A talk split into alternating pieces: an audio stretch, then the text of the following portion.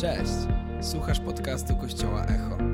Więcej informacji o tym, kim jesteśmy, znajdziesz na stronie echokościół.pl. Mamy nadzieję, że zostaniesz zainspirowany.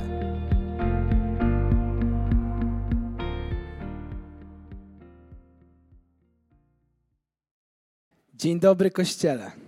Jesteśmy i w tym dniu, jesteśmy podczas niedzieli wielkanocnej razem. Yy, Bardzo miło Was przywitać. Ja mam na imię Olek. Yy, Chciałem Was przywitać w imieniu naszych pastorów Daniela i Mireli Różańskich, ale przede wszystkim chcielibyśmy Was przywitać i moglibyśmy zabić takie wielkie brawo dla wszystkich, żeby troszeczkę zdać sobie sprawę, że jesteśmy podczas niedzieli wielkanocnej.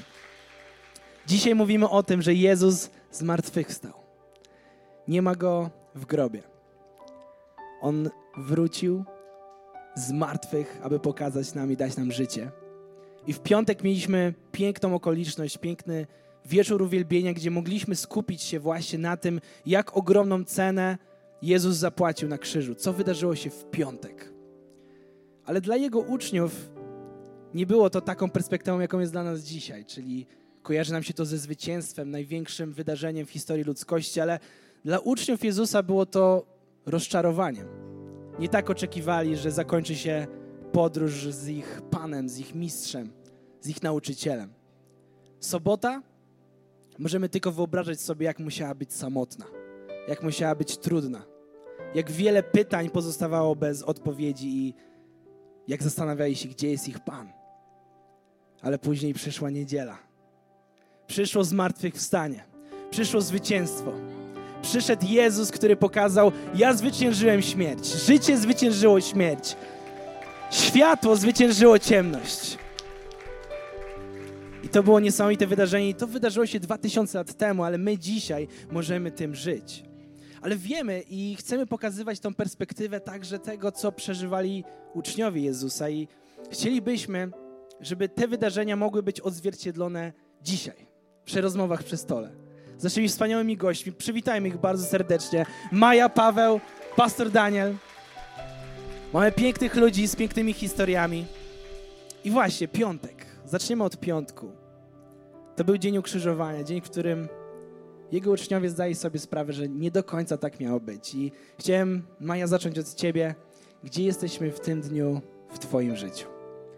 W moim życiu w tym dniu jesteśmy, jak miałam około 10 czy 11 lat, czyli bardzo wcześnie. E, Jest to około szkoła podstawowa, typu czwarta czy piąta klasa. I ja całe życie byłam bardzo mocno przywiązana do kościoła katolickiego. Jednak byłam do niego przywiązana może bardziej jak do instytucji niż rzeczywiście duchowego kościoła. I chociaż nasz tato nie był nazbyt religijny, to mama bardzo często zabierała nas i na niedzielne msze, zachęcała nas do uczęszczania na schole, czyli taki chórek w kościele.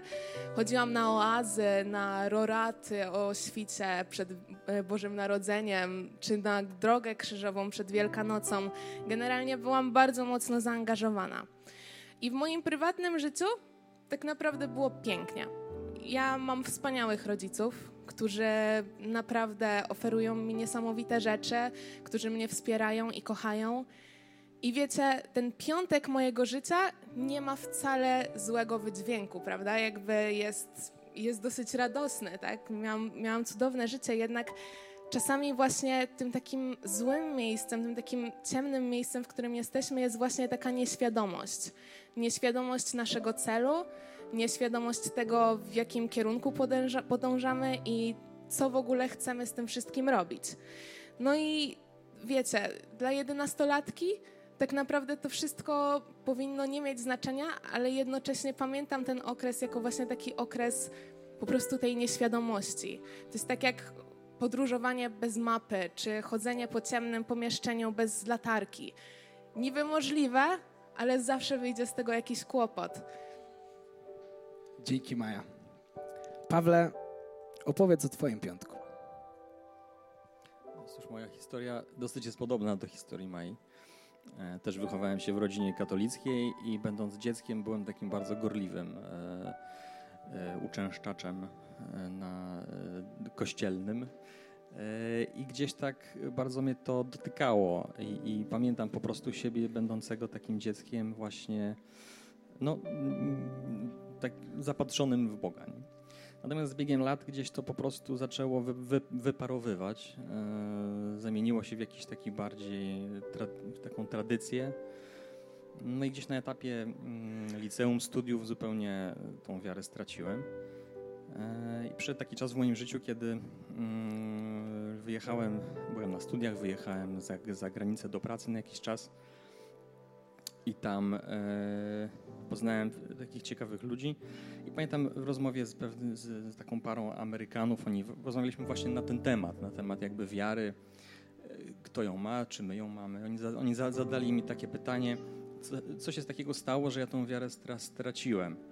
Ja odpowiedziałem, że e, because I grew up, dlatego że dorosłem. I wtedy wiara kojarzyła mi się z taką dziecięcą naiwnością właśnie, której ja doświadczyłem, albo z taką desperacją starszych ludzi, którzy chwytają się jakichś resztek nadziei przed ukresu swojego życia.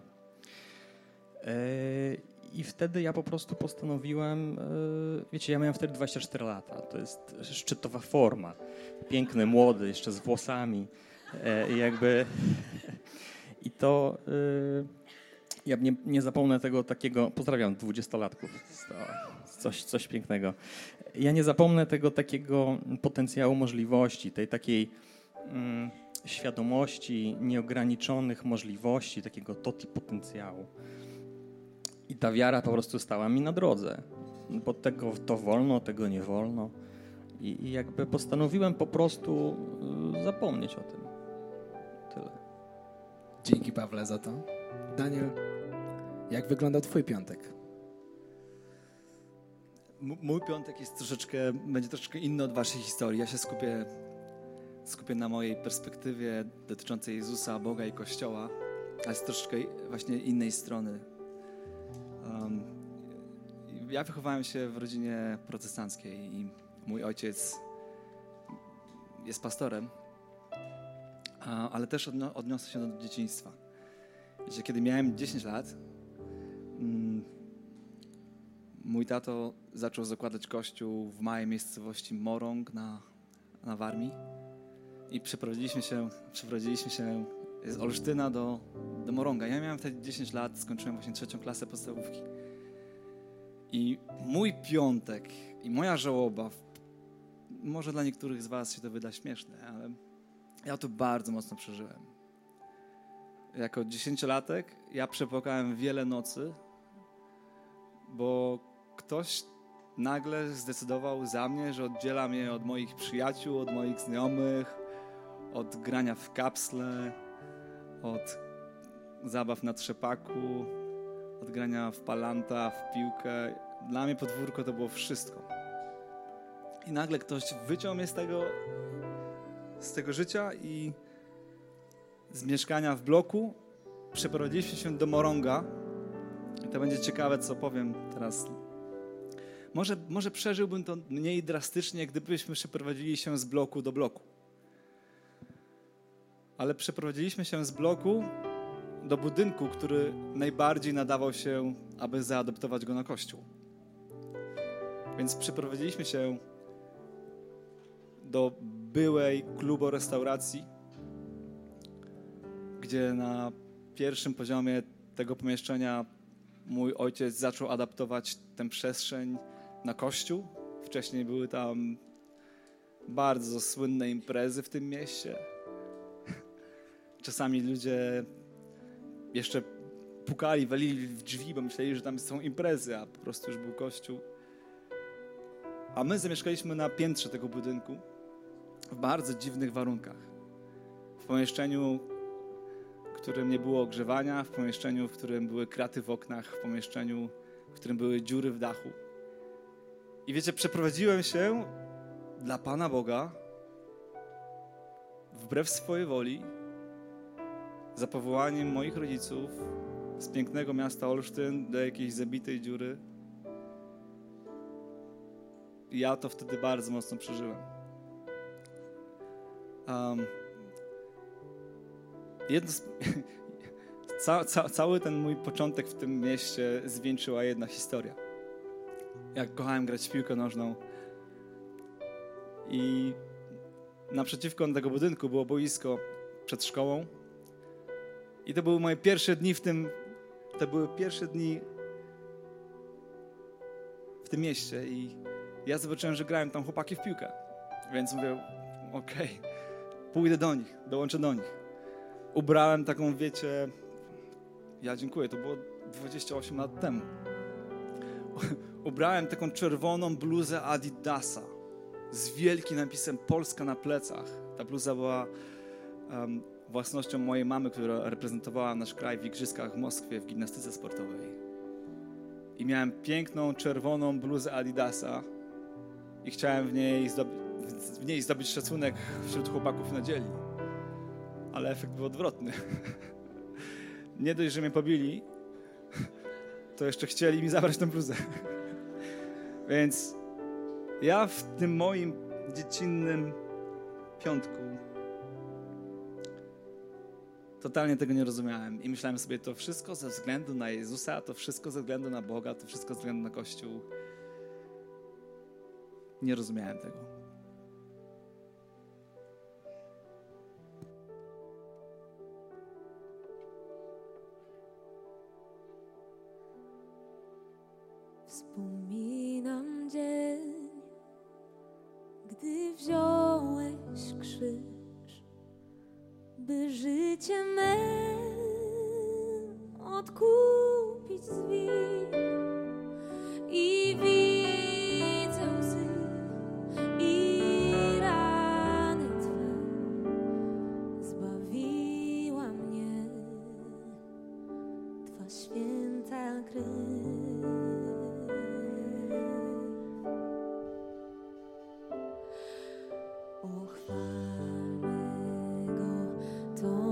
To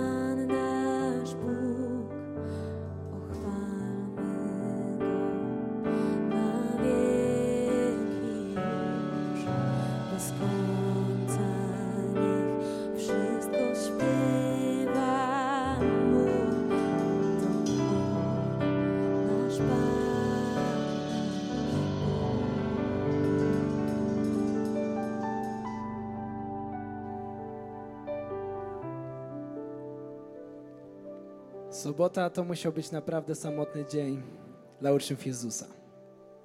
Gdzie podział się ich Pan? Chyba zdali sobie sprawę, że to nie do końca tak miało być. I chciałem Ciebie, Daniel, spytać, jakbyś opisał swoją sobotę. Zakładanie inne, innego kościoła, innej społeczności, innej wspólnoty niż kościół tradycyjny w latach 90. w tym kraju, zwłaszcza w małej miejscowości, wiązało się z, wielu, z wieloma wyrzeczeniami. Kocia wiara, sekta, ostrzeganie przed zielonymi zambony w kościołach.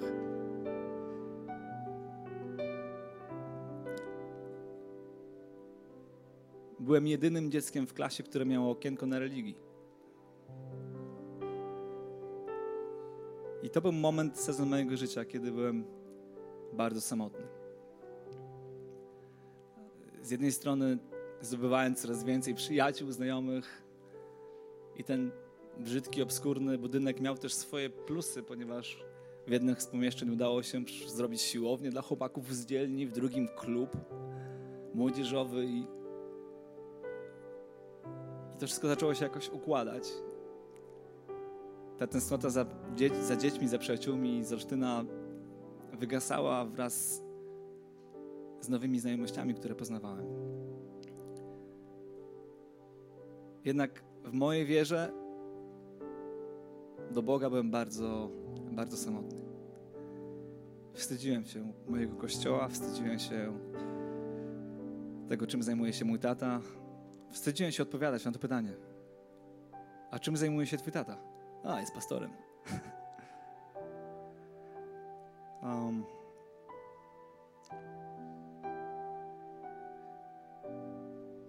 wszelkie, wszelkie akcje ewangelizacyjne w naszym mieście. Ewangelizacja z gitarą na mieście. Robiłem wszystko, aby udawać, że tego nie ma. Robiłem wszystko, aby nigdy się tam nie pojawić, aby nikt mnie nie kojarzył z tymi dziwakami.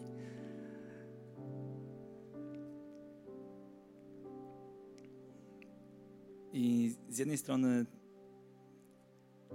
byłem dumny z moich rodziców, ale z drugiej strony totalnie nie rozumiałem miejsca, w którym, w którym byłem. Wstydziłem się Boga, wstydziłem się Kościoła, wstydziłem się Jezusa. Byłem wtedy bardzo samotny. Pamiętam pewnego razu w szkole. Znowu bójka. Pobiłem się z moim kolegą, dlatego że zwyzywał mnie od tego, że jestem sekciarzem, że jestem zielony. Tak trafiłem na dywanik do dyrektora. Ale to wszystko mówiło tylko jedną rzecz. Byłem bardzo samotny w tym wyznaniu wiary, które w tamtym czasie jako 12, 13, 14 latek próbowałem sobie to jakoś wszystko wytłumaczyć i, i chyba byłem, byłem za młody, aby to wszystko zrozumieć, a z drugiej strony już zbyt dojrzały, aby mnie to nie dotykało. Więc nie miałem wtedy dobrego świadectwa, wręcz przeciwnie, miałem antyświadectwo.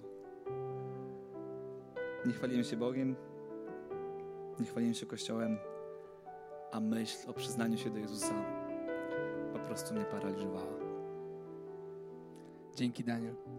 Paweł, jak wyglądała Twoja sobota? Moja sobota. E, u mnie było tak, że jak e, wróciłem e, z tego wyjazdu, na którym byłem, przez jakiś czas poznałem moją żonę aktualną. Wtedy oczywiście jeszcze o tym nie, nie wiedziałem. No i właśnie to był taki moment, kiedy znowu ta wiara mi stanęła na drodze. Jakby oczywiście nie moja wiara, tylko wiara mojej żony. Bo się okazało, że poznałem świetną dziewczynę, e, miłość mego życia. No i się okazuje, że e, ona jest osobą wierzącą. I się okazuje, że ona jest osobą wierzącą i to jeszcze nie w takim, e, nie, to nie katolikiem. A wiecie, jak już ktoś jest chrześcijaninem innym niż katolik, tutaj to, to znaczy, że naprawdę jest wierzący, nie? Więc jakby to, to kurczę, no, ciężki orzech do, do, do zgryzienia. No i gdzieś tak różne perturbacje mieliśmy. E, No i ostatecznie szczęśliwie, mimo- tego, jakby mój brak wiary nie stanął na przeszkodzie e, temu, żeby ona mnie pokochała, E, ale też jej wiara w jakiś sposób nie stanęła na przeszkodzie, żebym ja zamknął oczy na to, kim ona jest. Więc no i tak szczęśliwie w tym wszystkim udało się pokonać tą, tą barierę kolejną, jaką, jaką była ta wiara gdzieś tam w mojej głowie w każdym razie. No, ostatecznie jesteśmy do, do dzisiaj razem, tak. Czyli sobota miała dobre zakończenie, ale wtedy nie było takie to pewne. E, Maja, a jaki był punkt taki zawieszenia dla Ciebie? U mnie to było w, to było w piątej klasie i wiedziałam, że wtedy moje serce chyba troszeczkę zachciało, za- zapragnęło czegoś, czegoś innego. I to był też moment, w którym, e, w którym moja siostra oddała swoje życie Bogu i tym samym zmieniła Kościół. I ja nie byłam w stanie tego zrozumieć. Ja nie, po prostu nie rozumiałam, czemu, czemu nagle nie chodzi ze mną na schole, czemu, e, czemu ona teraz chodzi co piątek na jakieś grupki młodzieżowe, o co w ogóle chodzi, czemu odbieramy ją z kościoła w niedzielę gdzieś w ogóle indziej. E, No i tak naturalnie Ola zaprosiła mnie raz na jeden z ich eventów, tak mniej więcej w październiku. Bardzo niechętnie, ale moja starsza siostra Mika, że to poszłam. E, I, I kiedy tam weszłam, ja poczułam po prostu też coś takiego trochę innego. Miałam takie, że o co chodzi, czemu oni mają wesołe piosenki, czemu oni mają jakiś zespół. I też zauważyłam wtedy rzeczywiście, pierwszy raz po prostu wtedy zobaczyłam ludzi, którzy mają pasję do Boga. I ja wychodząc stamtąd miałam takie, że okej, wow, super. E, oczywiście poszłam też na moją scholę i chciałam, powiedziałam, żebyśmy zrobili takie piosenki, ale, ale, ale nie pozwolili mi. E, I to był też moment, w którym ja zaczęłam czuć się bardzo samotnie w moim życiu. I kiedy po prostu pewnego wieczoru uklęk, uklękłam jakby przy łóżku i i zaczęłam się modlić, a, a ja się wtedy nie modliłam. I modliłam się do Boga, modliłam się do Maryi, że ja chcę coś usłyszeć, ja chcę coś poczuć. Ja poznałam ludzi, którzy, którzy mają coś więcej w swoim życiu. O co chodzi? Czemu, czemu ja tak nie mogę mieć? I ja po prostu potrzebowałam takiego upustu w moim sercu, takiego, takiego, takiego napięcia, żeby to zniknęło, ale, ale wtedy nie usłyszałam nic. I ja wiem, że ja miałam wtedy 11 lat, ale uważam, że dzieci potrafią tak samo mocno przeżywać różne emocje i różne sytuacje w swoim życiu. I po prostu pamiętam, jak moje serce połamało się wtedy. Po prostu siedziałam i wiedziałam, czułam, że jestem po prostu wtedy sama.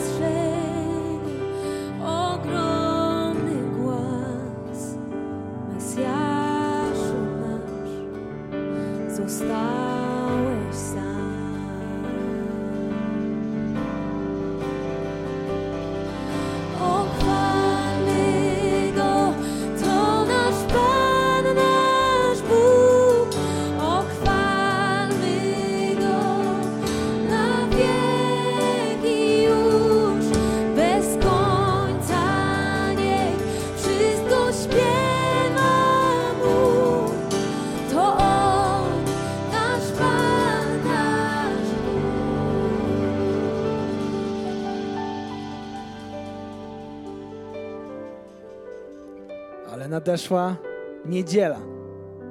Nadeszło zwycięstwo. Jezus zmartwychwstał. Amen? To jest dobra wiadomość? To jest najlepsza wiadomość. Bo nie tylko oddał swoje życie za nas, ale także pokonał śmierć i stał się doskonałą ofiarą. I chciałbym Was zapytać, Paweł, od Ciebie zaczynając. Jaka to była niedziela Twojego życia? Już kontynuując wątek podjęty e, w sobotę, e, gdzieś tam e, generalnie rzecz biorąc pewnego dnia moja żona postanowiła, że chce zacząć chodzić do kościoła z, pow- z powrotem. Przez jakiś czas też mieliśmy taką, miała taką przerwę powiedzmy.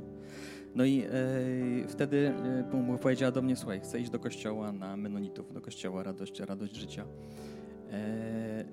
I no chciałabym tam iść. Ja sobie pomyślałem, dobra, samej tam jej nie puszczę na pewno, bo to tam jest jakoś tak nie wiadomo o co chodzi, nie? I, i nie, nie, nie. Więc dobra, okej, niezbyt chętnie, ale poszedłem z nią i zdecydowanie unikałem kontaktu. Yy, Byleby gdzieś przemknąć po tylnej ścianie na górę, na chór, yy, szybko przykleić się do ściany i sobie obserwować. I tak, tak, te, tak też robiłem. Natomiast e, ku mojemu zdziwieniu, e, mając tyle stereotypów w głowie oczywiście na ten temat, mm, okazało się, że to jest miejsce, w którym pierwszy raz w życiu usłyszałem kazanie, które miało sens, które coś mówiło do mojego życia i które podejmowało jakąś taką dyskusję też. I e, to było coś niesamowitego. I to tak strasznie dotknęło mnie. Poza tym zobaczyłem ludzi, którzy przeżywają Boga w taki niesamowity sposób. E, dla mnie kompletnie inny świat, inna planeta to była, ale nie można było powiedzieć, e, to byli ludzie pełni wiary. I to mnie mocno e, dotknęło. I to był taki wstęp, taki, taka, taka krop, kro, kropelka. Cho- Chodziliśmy, ja tam się chowałem oczywiście, e, byleby tam nikt mnie nie, broń Boże, tam coś powiedzieć. E, Ale po jakimś czasie, e, po paru miesiącach, e, Paula dostała zaproszenie na konferencję Exodus. Jak się okazało, to była chyba ostatnia konferencja organizowana przez Daniela, wtedy jeszcze się nie znaliśmy. I na tej konferencji wydarzyło się takie no, przełomowe wydarzenie, bo rzeczywiście mm, podczas kazania to był pa- pastor Kobakian. Mm, Nie wiem, co się stało, ale w pewnym momencie jakaś taka tama wezbrała. Prostu powiedziałem do mojej żony, że ja już tu nie mogę więcej stać. E, łzy leciały po policzkach. E, musiałem wybiec, schowałem się gdzieś w rogu za jakimś dystrybutorem napojów i po prostu zacząłem tam wyć. No. Taki, taki, taki płacz, jakiego nigdy w życiu nie doświadczyłem i nigdy później też. Ale to było coś, co absolutnie wstrząsnęło mnie i było takim momentem przełomowym. I tamtej pory po prostu no, musiałem się dowiedzieć, o co chodzi. Nie? I jakby wiedziałem, że to już odwrotu nie ma. Tak się zaczęło i wtedy to było coś, o czym już nie mogłem zapomnieć. Wow, przepiękne, dzięki Pawle. I dzisiaj jesteśmy tutaj. Maja, jak wyglądała niedziela dla Ciebie? Dla mnie ta niedziela była, znam dokładną datę, 22 lutego 2014 roku. E, I moja siostra znów zaprosiła mnie na spotkanie młodzieżowe. I chociaż poprzednim razem miałam dosyć pozytywne wrażenie, to dalej może taka troszeczkę lojalność, coś takiego troszeczkę mnie powstrzymywało, ale poszłam i dobrze. E, Wtedy też w ogóle poznałam Olka, który miał słowo akurat u nas na grupce młodzieżowej, więc e, całkiem nasze drogi się tam skrzyżowały gdzieś. I wiecie, podczas uwielbienia ja poczułam coś po prostu niesamowitego. Jakby w trakcie uwielbienia, kiedy po- pomodliłam się, miałam takie, że Boże, okej, może niekoniecznie słyszeć, ale ja chcę Ciebie czuć.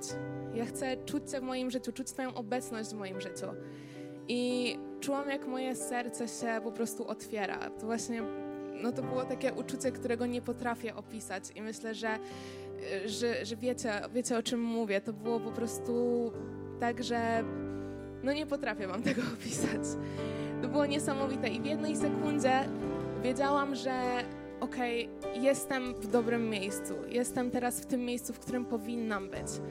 I nie chodziło mi też o fizyczne miejsce jak- jako kościół, chociaż ludzie, których tam spotkałam, którymi się wtedy tam otoczyłam, oni odegrali ogromną rolę w moim życiu, ale o samo miejsce duchowe, że byłam po prostu blisko, blisko Boga. I wiecie, jakby to całe takie piękne życie jedenastolatki, która miała wszystko, tak? Ale bez Boga tak naprawdę to wszystko się w ogóle nie liczyło wtedy. I mogłabym tą historię, tą piękną historię zakończyć tutaj, ale jakby zakończę ją parę dni później, kiedy nasza mama przyszła do kościoła i oddała swoje życie Bogu. Więc e,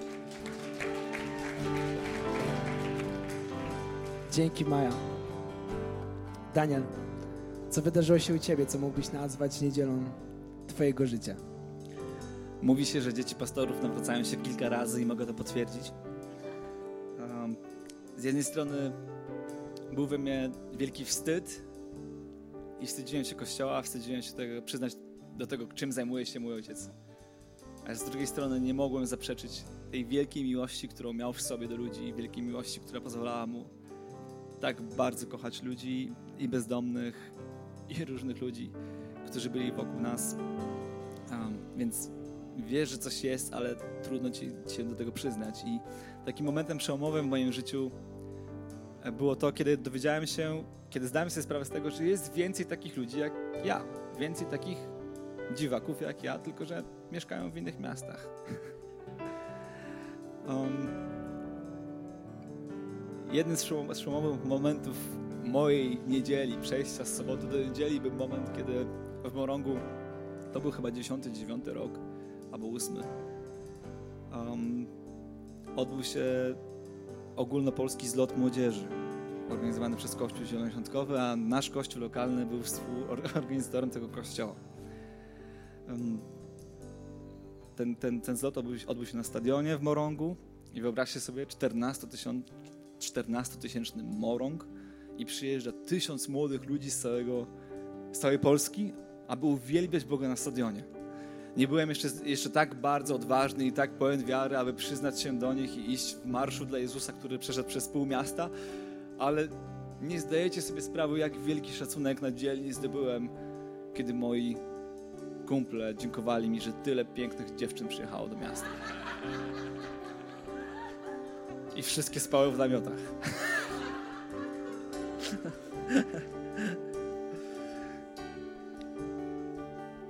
Kolejnym etapem mojej zmiany były obozy młodzieżowe, na których zacząłem poznawać ludzi z innych miast. Ludzi, którzy byli pełni pasji, pełni radości, pełni, pe, pełni wiary.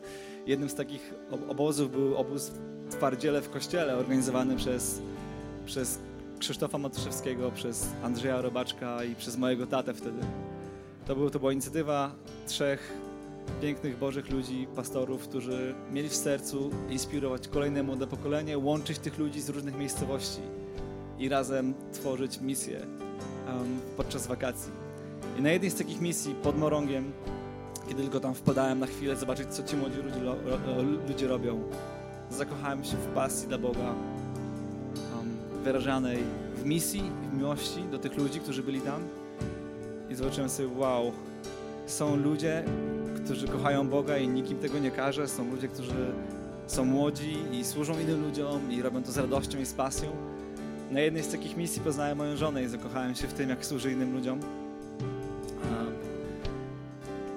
I to był, to był proces, kiedy zacząłem poznawać po prostu ludzi z innych miejscowości, ludzi, którzy byli podobni do mnie, którzy grali na instrumentach.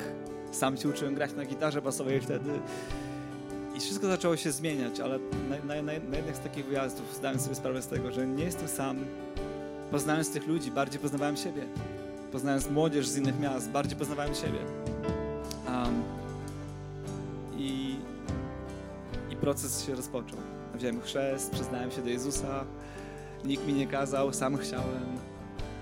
Um, kolejnym takim etapem w tej podróży była nasza przeprowadzka do Gdańska. Przyjechałem do Gdańska za moją żoną.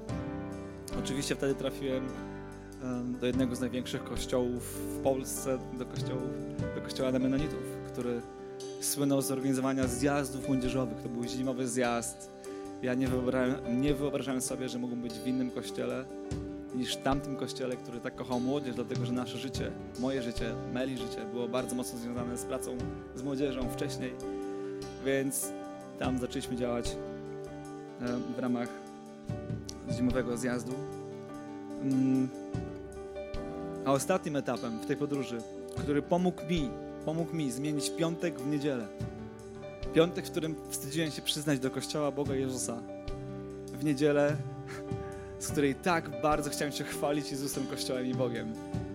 Był mój wyjazd na konferencję Hillsong do Londynu. Był 2014 rok wydali, wydali wtedy płytę No Other Name. I pierwszy raz w życiu zobaczyłem, że można w tak piękny sposób połączyć kreatywność i wyznanie wiary. Że można w tak piękny sposób chwalić się Bogiem, Kościołem, Jezusem, że nie trzeba nosić czerwonej czepeczki z napisem I serduszko Jezus po mieście, ale można założyć czapkę No Other Name i ludzie cię zaczepiają w Londynie i przybijają ci piątkę bo wiedzą o kogo chodzi, wiedzą jakie imię chodzi. I to był dla mnie totalny game changer. Ta płyta, te dwa utwory, No Other Name, utwór Credo, e, to właśnie połączenie kreatywności i wyznania wiary przełożyły się na to, jak zimowy zjazd prze, przeistoczył się w Exodus. I stąd też urodziło się hasło Wolność jedno ma imię. Kamila Płaszcz napisała piosenkę wtedy Wolność jedno ma imię. I to wszystko było wynikiem tego, że moja wiara w Jezusa, w Boga i w Kościoła została w nowy sposób zainspirowana tą formą wyznania wiary przez wtedy tamten wyjazd. No i tak na nowo zakochałem się w Kościele Bogu Jezusie. I tak naprawdę dzisiaj jesteśmy w Kościele Echo, który w piękny sposób podsumowuje te trzy sezony z mojego życia. Dziękuję.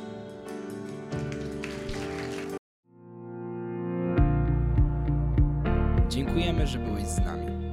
Mamy nadzieję, że zostałeś zainspirowany. Więcej podcastów możesz posłuchać na naszej stronie echokościół.pl.